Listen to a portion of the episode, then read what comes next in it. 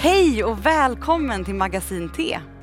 Det här är en programserie som är ett samarbete mellan Philadelphia kyrkan och Kaggeholms folkhögskola. Jag heter Sofia Alm och är en av lovsångsledarna i Filla.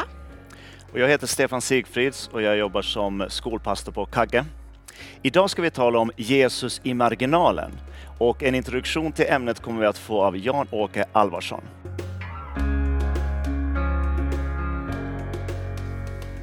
Jag heter Jan-Åke Alvarsson och jag har fått i uppdrag att prata om Jesus i marginalen. Och det tycker jag är en häftig utmaning. Det gör jag gärna. Jesus tänker vi oss ofta vara i centrum i olika sammanhang. Men eh, jag upplever ju, när jag läser Nya Testamentet att han ofta var i marginalen. På många olika sätt. Jag ska försöka prata om några av dem. Vi kan ta ett första exempel på när han verkligen stod i centrum. Eh, det stora brödundret eh, som han gjorde. Han var ju ute och reste, eller rörde på sig, det gjorde han ju mycket. Plötsligt samlades folk och det blev väldigt, väldigt mycket folk och det står att han hade försökt dra sig undan. Men det kom 5 000 personer, minst 5 000 män, förutom kvinnor och barn, som kanske var lika många. Mycket folk, Jesus är i centrum. Men läser vi vidare i Matteus 14, då står det så här. Han gick upp på berget för att vara för sig själv och be. Det var avslutningen på alltihopa. Det vill säga, han försvann ut i marginalen igen när han hade varit inne i centrum. Tittar vi på ett annat tillfälle när Jesus är centrum, det är när han rider in i Jerusalem. Väldigt berömt, väldigt omtalat. Eh, vi firar ju palmsöndagen efter detta. Det står att folkmassan breder ut sina mantlar, står det i Matteus 21 och 8. Och det blir en stor uppståndelse i hela staden, står det i vers 10. Men det märkliga är att Jesus inte på något sätt utnyttjar den här situationen för att nu verkligen bevisa sig vara den där store ledaren eller store kungen. Utan vad han gör då, det är att han genast går upp till templet, börjar bråka med de som köper och säljer och slänger ut dem. Och det där gör ju att han genast hamnar tillbaka in i marginalen. Den stora händelsen, kanske den största under hans liv, när det var kanske mest människor. Det var i alla fall väldigt mycket människor där. Det var på, under korsfästelsen. Översteprästen, de skriftlärda, de äldste var där, står det i Matteus 27 och 41. Och förmodligen en faslig massa folk. Jesus var i centrum. Eh, många blickar riktades mot honom. Och samtidigt var han ju marginalen. Han var ju degraderad till en brottsling. Han hade en rövare på varsin sida. Och han blev liksom utsatt i marginalen vid detta tillfälle. Jesus hade en livsstil som också var i marginalen, kan man säga. Eh, man var van vid att de skriftlärde och de stora hade väldigt fina dräkter på sig. Och vi har ju till och med anvisningar om hur prästdräkter skulle se ut. Men eh, Jesus klädde sig ganska enkelt, förstår vi.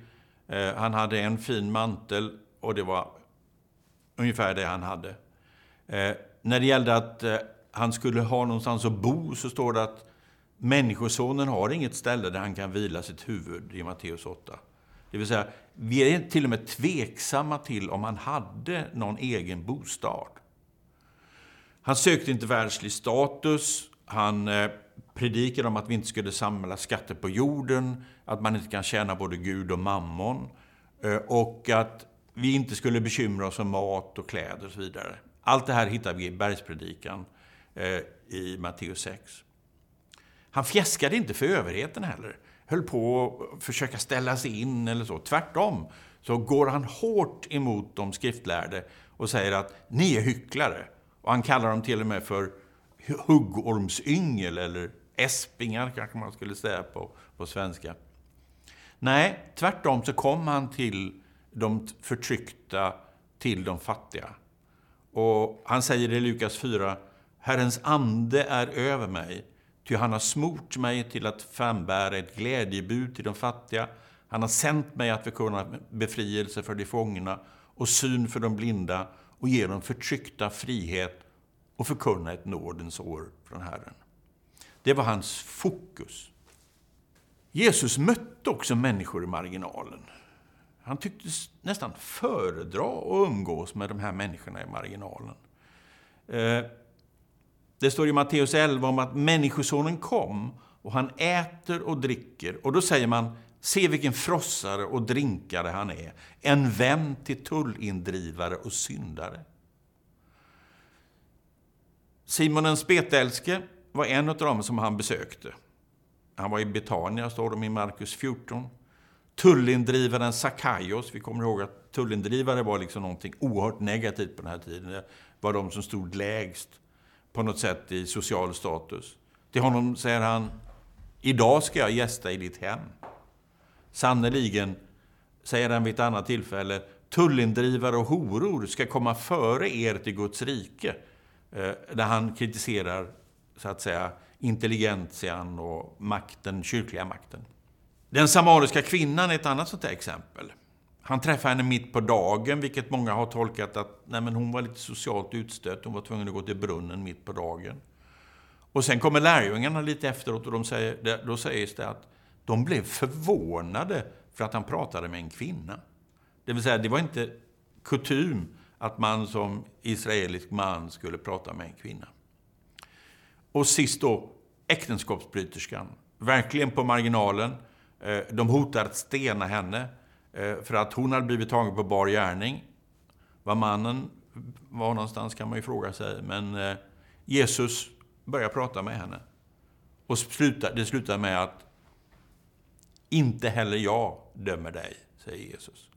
Alltså han finns i marginalen, han möter människor i marginalen och han tar sig an dem utan att döma dem. Så har vi Jesus även i den geografiska marginalen. För det mesta så var han ju i eh, Galileen eller Samarien, i Jerusalem och så vidare. Men det finns ett par tillfällen, några tillfällen, när han går ut i utkanten av sitt verksamhetsområde. I Matteus 15 så kan vi läsa om den kananeiska kvinnan som finns eh, i Tyros, alltså gamla feniciska området eh, på, vid kusten. Och han säger först att nej, men jag vill inte ta mig an dig. Därför att det är inte min kallelse. Jag har blivit kallad till Israels folk och så vidare. Eh, och, eh, men hon är så insistent, hon är så envis på Jesus att han faktiskt ändrar sig. Och till slut så säger han, din tro är så stark så att du får det du vill. Och så blir hennes dotter frisk. Det var det hon var ute efter. Vid ett annat tillfälle så är han i ett område som kallas för Dekapolis, tio städer alltså, eh, med grekisk bakgrund. Och eh, där man har en helt annan kultur. Man har till exempel svin, vilket judarna inte hade. Eh, svinkött är ju fortfarande något tveksamt för judar, som ni vet. Där helar han en man från att ha varit besatt, och det var många andar, och de flög in i en svinflock, och som sen, när andarna hade furit in i dem, eh, sprang ner för branten och ner i sjön och dränkte sig. Eh, en mycket märklig historia, men visar tydligt på att nej men för Jesus så var det i marginalen som han på något sätt trivdes och gjorde saker, fastän det inte riktigt var tänkt som hans kallelse. Just nu så håller jag på att arbeta med en bok om svensk mission. Vi är fyra stycken som sitter i en redaktionskommitté och det är 20-30 personer som jobbar. Och eh, det som slår mig då, när jag tittar på den svenska missionshistorien, det är att man på något sätt har följt Jesu exempel i betydelsen gå till folk i marginalen, platser i marginalen. Man reste långt bort, man reste till udda platser, men man bosatte sig ofta också på landsbygden. EFS de satsade på en missionsstation i Asmara. Och där fanns de här komponenterna som finns i nästan alla missionsstationer. Eh, kyrkan, skolan och kliniken. Och eh, på något sätt så verkar det som att man också haft störst framgång med folk i marginalen. Kristna missionärer hade betydligt större framgång bland de folk som var marginaliserade än de som var så att säga majoritetsfolk. Vi har en lång rad exempel på det här. Vi har daliter i Indien till exempel, eh, som till och med Svenska kyrkan jobbade med, som annars ju var majoritetskyrka hemma. Eh, Karener i Burma, som nåddes av baptister. Mångfolket i Laos och Burma, som nåddes av eh, Missionary Alliance, eh, holländska missionärer faktiskt. Mangianfolket i Filippinerna, som nåddes av svensk pingstmission. Eh, Toba-folket i Argentina, som nåddes av, eh, först egentligen utav menoniter men sen så småningom, det som slog igenom var pingstväckelsen som tog sig upp i, från centrala Argentina och upp till det här området i norr i Argentina. Själv har jag jobbat med ett marginaliserat folk i södra Bolivia, Wetnaek-folket. Dit kommer en kvinna 1943, Astrid Jansson, född på Gotland. Och eh, börjar med att sitta med kvinnorna på stranden. Skriva i sanden och så vidare och försöka göra sig vän med dem. De var väldigt misstänksamma till henne till en början. Det tog lång tid innan hon lyckades väcka deras förtroende. För deras förtroende för alla människor som såg vita ut var helt borta. De hade genomlevt Chaco-kriget, de hade blivit satta mer eller mindre i koncentrationsläger, de var förslavade. Och hur skulle en vit person kunna så att säga, få någon annan status än eh, förtryckare i deras ögon? Jo, Astrid Jansson lyckades. Och hon lyckades öppna en väg också för oss som så småningom kom efter. Eh, och eh, idag eh, så kan vi se att hos Wetnaer-folket, eh, så efter Astrid Janssons 30 år, Eh, så finns det nu skolverksamhet, skriftspråk, lärarutbildning, jordrätt, till och med Nya Testamentet 1992. Och eh, jag fick en gång själv faktiskt uppleva den där känslan av förändring, vad Jesus kan ha betytt. Eh, jag hade jobbat med Wetnake-språket ett tag och höll min första eh, vad ska vi säga, seriepredikningar på Wetnaek-språket där jag försökte förklara passionshistorien för dem. Och efter ett av de där så kom en av kvinnorna fram, väldigt kraftfulla kvinnor i detta folk, eh, fram till mig och så sa hon till mig på Wetnaek-språket vad den mannen måste ha lidit. Det var som hon hade hört det första gången. Och det var förmodligen första gången på sitt eget språk. Men ändå, den känslan av hennes, liksom riktigt hur hon tog in det, reflekterade och relaterade till denne Jesus i marginalen. Ett tredje exempel på folk i marginalen eh, är ju romer. Eh, vi har ju alla i, som bor i Sverige erfarenhet av romer som tiggare som sitter utanför butiker. Eh, jag har också andra typer av romer som jag har haft kontakt med, som jag har blivit vän med. Och det beror bland annat på att de på 1950-talet, när den stora romska väckelsen gick över Europa, valde i den här delen av världen pingströrelsen. Och varför valde man då pingst? Ja, jag har pratat med en av mina goda vänner om det där och hon säger Jo, därför att där kunde vi leva ut. Där kunde vi få bli de vi var. Och, och det är mycket, mycket viktigt, det här var inte Svenska kyrkan. Det här var en kyrka i marginalen. Det var inte Svenska kyrkan eh, som man då upplever hade förtryckt dem och som man upplevde var allierad med myndigheterna, som hade trakasserat och förstört för romerna under alla tider. Går vi sen över till människor i marginalen Nästan alla kyrkor har ju ett socialt engagemang och bryr sig om människor. Och det gör ju också att vi har ett kontaktnät som på något sätt spretar ut i samhället från lite olika håll. Så att eh, detta att vi är många, att vi har många olika kyrkor, tror jag är väldigt bra. Jag tror att vi når ut på det sättet. Och jag tror att vi är speciellt öppna för en Jesus i marginalen och därför behöver vi ha det här kontaktnätet. Och jag återkommer strax till det. När jag kom till eh, läkarmottagningen för en läkarundersökning i år, så på bordet i väntrummet så låg det en sån här liten annonsbilaga, eller evangelisationsbilaga man kan säga, från Heart of Evangelism, som de kallar sig för. Eh, Sebastian Staxet och hans kompisar. På omslaget sitter det fem personer och de här fem personerna, eh, de representerar åtminstone fem olika marginaliserande faktorer. De representerar övergrepp, prostitution, kriminalitet, drogmissbruk och psykisk ohälsa. Och samtidigt, vad som är gemensamt för alla de här fem, det är de har mött Jesus i marginalen. Det har förändrat deras liv. Rubriken på häftet är Bara ljuset besegrar mörkret. Det skulle lika gärna ha kunnat varit Jesus har mött oss. Då är frågan, är det så att vi människor bara nås av evangeliet när vi är i marginalen på något sätt? Och är det i så fall bara de marginaliserade, de här stämplade som det är frågan om? Eller är det så att vi alla kanske har någon typ utav marginalitet i våra liv? Finns det speciella övergångsperioder i vårt liv som gör oss extra öppna för det andliga? Är det då som vi möter Jesus, när vi är i marginalen och möter den Jesus i marginalen? Den där Jesus som inte bryr sig så mycket om det materiella, som finns där när vi, har, när vi befinner oss i kriser, när vi har ont på ett eller annat sätt. Är det då som vi är öppna för Jesus i marginalen?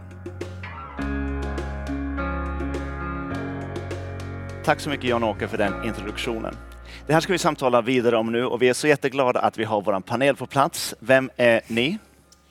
Jag heter Frida och jag jobbar i Philadelphia kyrkan med det kreativa arbetet. Jag heter Josef och är en av pastorerna här i Philadelphia kyrkan. Och jag heter Jenny och är lärare på Bibelskola Stockholm. Härligt, så gott att ha er med. Vad tänker ni spontant när ni har Jesus i marginalen? Vad, vad, vad, är, vad är, den första tanken när ni har lyssnat på det här? Vad, tänker ni? Vilken rebell han är. Ja. Jesus, det är min första tanke. Ja, eh, lite hur han bara vänder upp och ner mm. på ett tankesätt, hur han möter människor på ett helt annat sätt mm. än vad alla andra gjorde.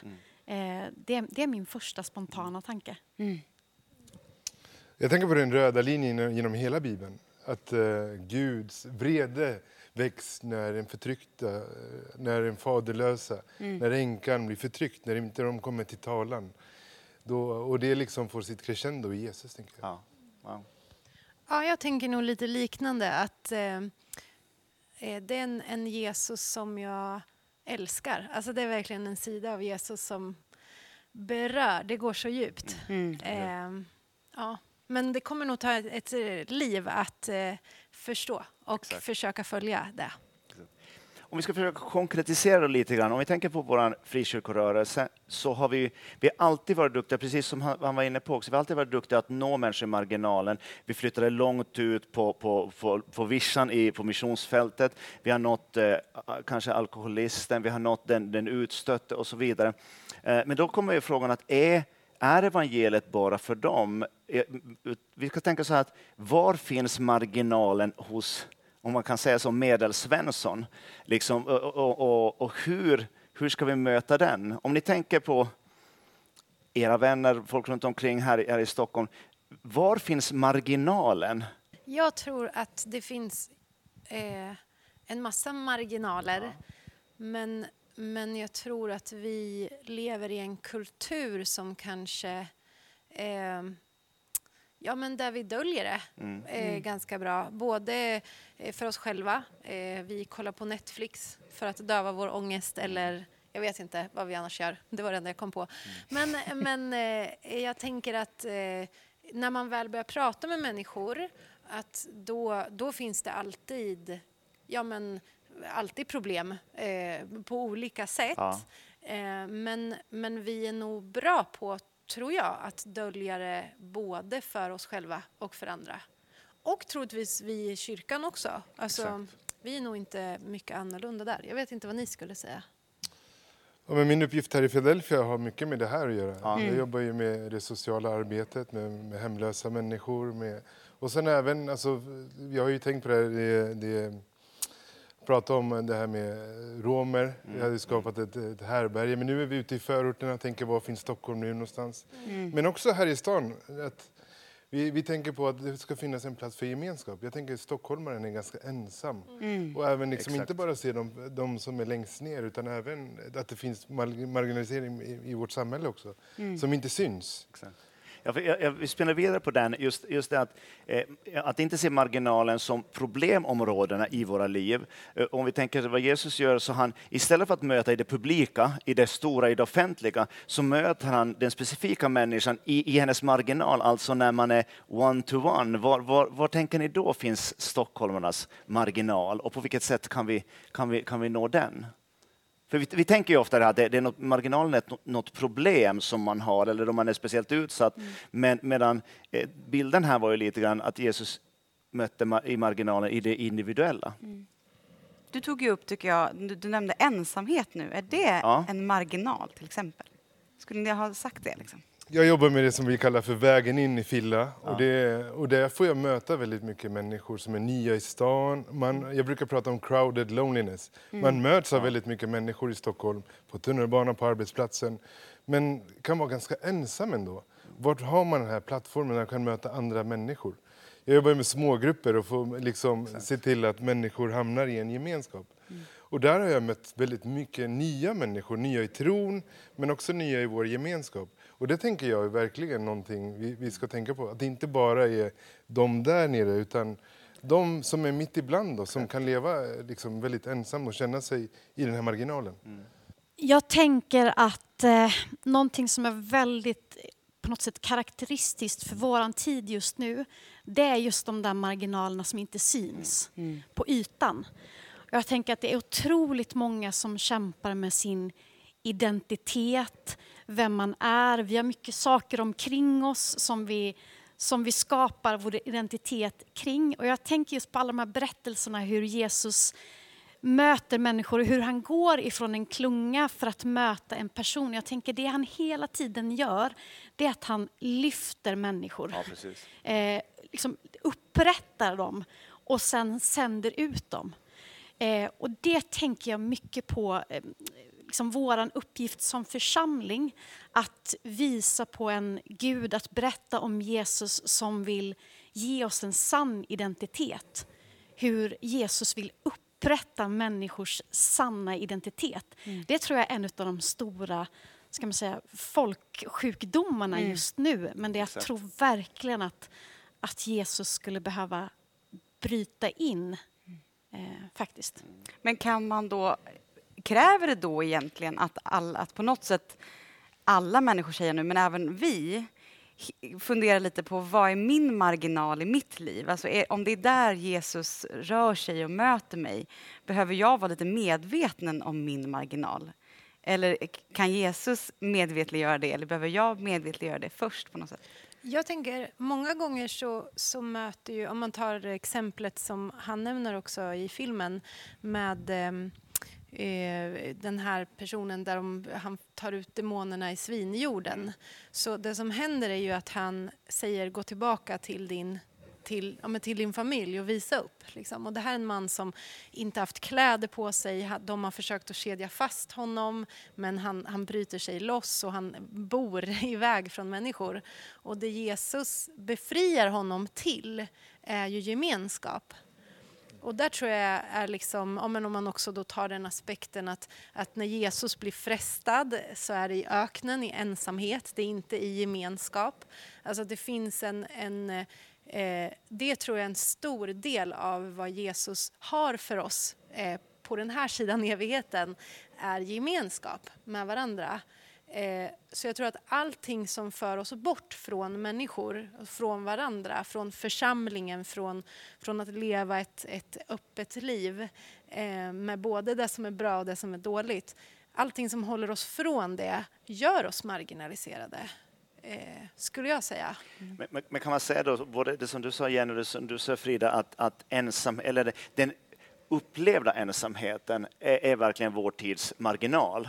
Eh, Jag tänker så att i- det kan vara ett arbetslag eller en församling, så tänker man ofta att det finns ett innegäng, ibland blir de, de som är inne. Men när man, det, eh, när man intervjuar människorna så upplever sig nästan ingen tillhöra det där innegänget, utan alla känner att man är utanför det och skulle vilja in. Då blir det på något sätt den det, det blir en marginaliserande faktor och mitt i allt går alla omkring och känner sig lite marginaliserade eller att inte tillhöra.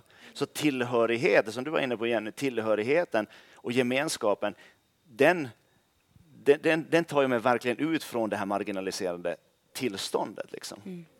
Men får, får jag bryta in en liten tanke här då? För när ni pratar om de här grejerna så finns det ju någon form av närhet, någon liksom en, att Jesus möter den marginaliserade och så här.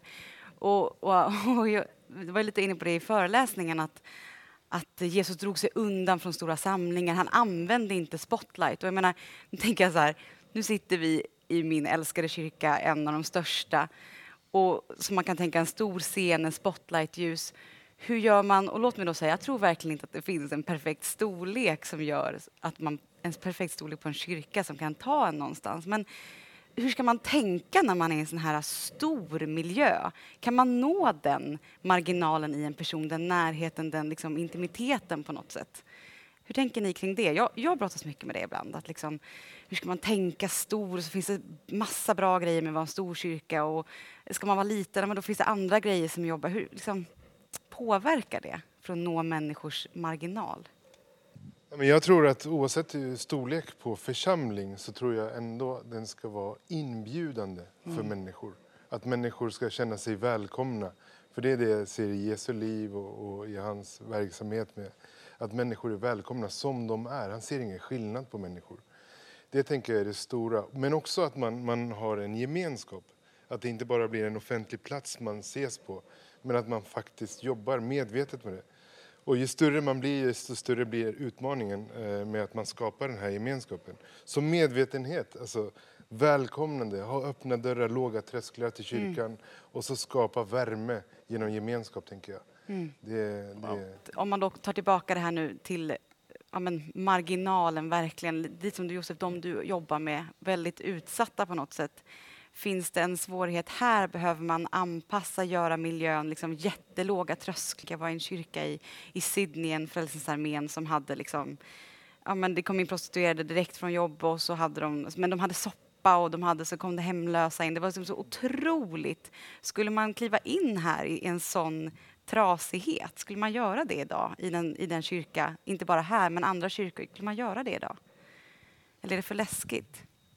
Nej, men det, jag tänker att olika kyrkor har olika kallelser, därför har vi lite, lite olika. Och jag tänker att vi i Philadelphia tänker att vi ska vara vanliga. Här ska alla känna sig välkomna oavsett var man är ifrån.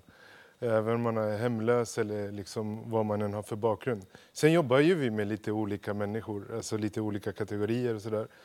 Eh, men alla ska känna sig välkomna. Det är det jag tänker är alltså kristendomens stora, allas lika värde. Mm. Att alla vi är, är, samma.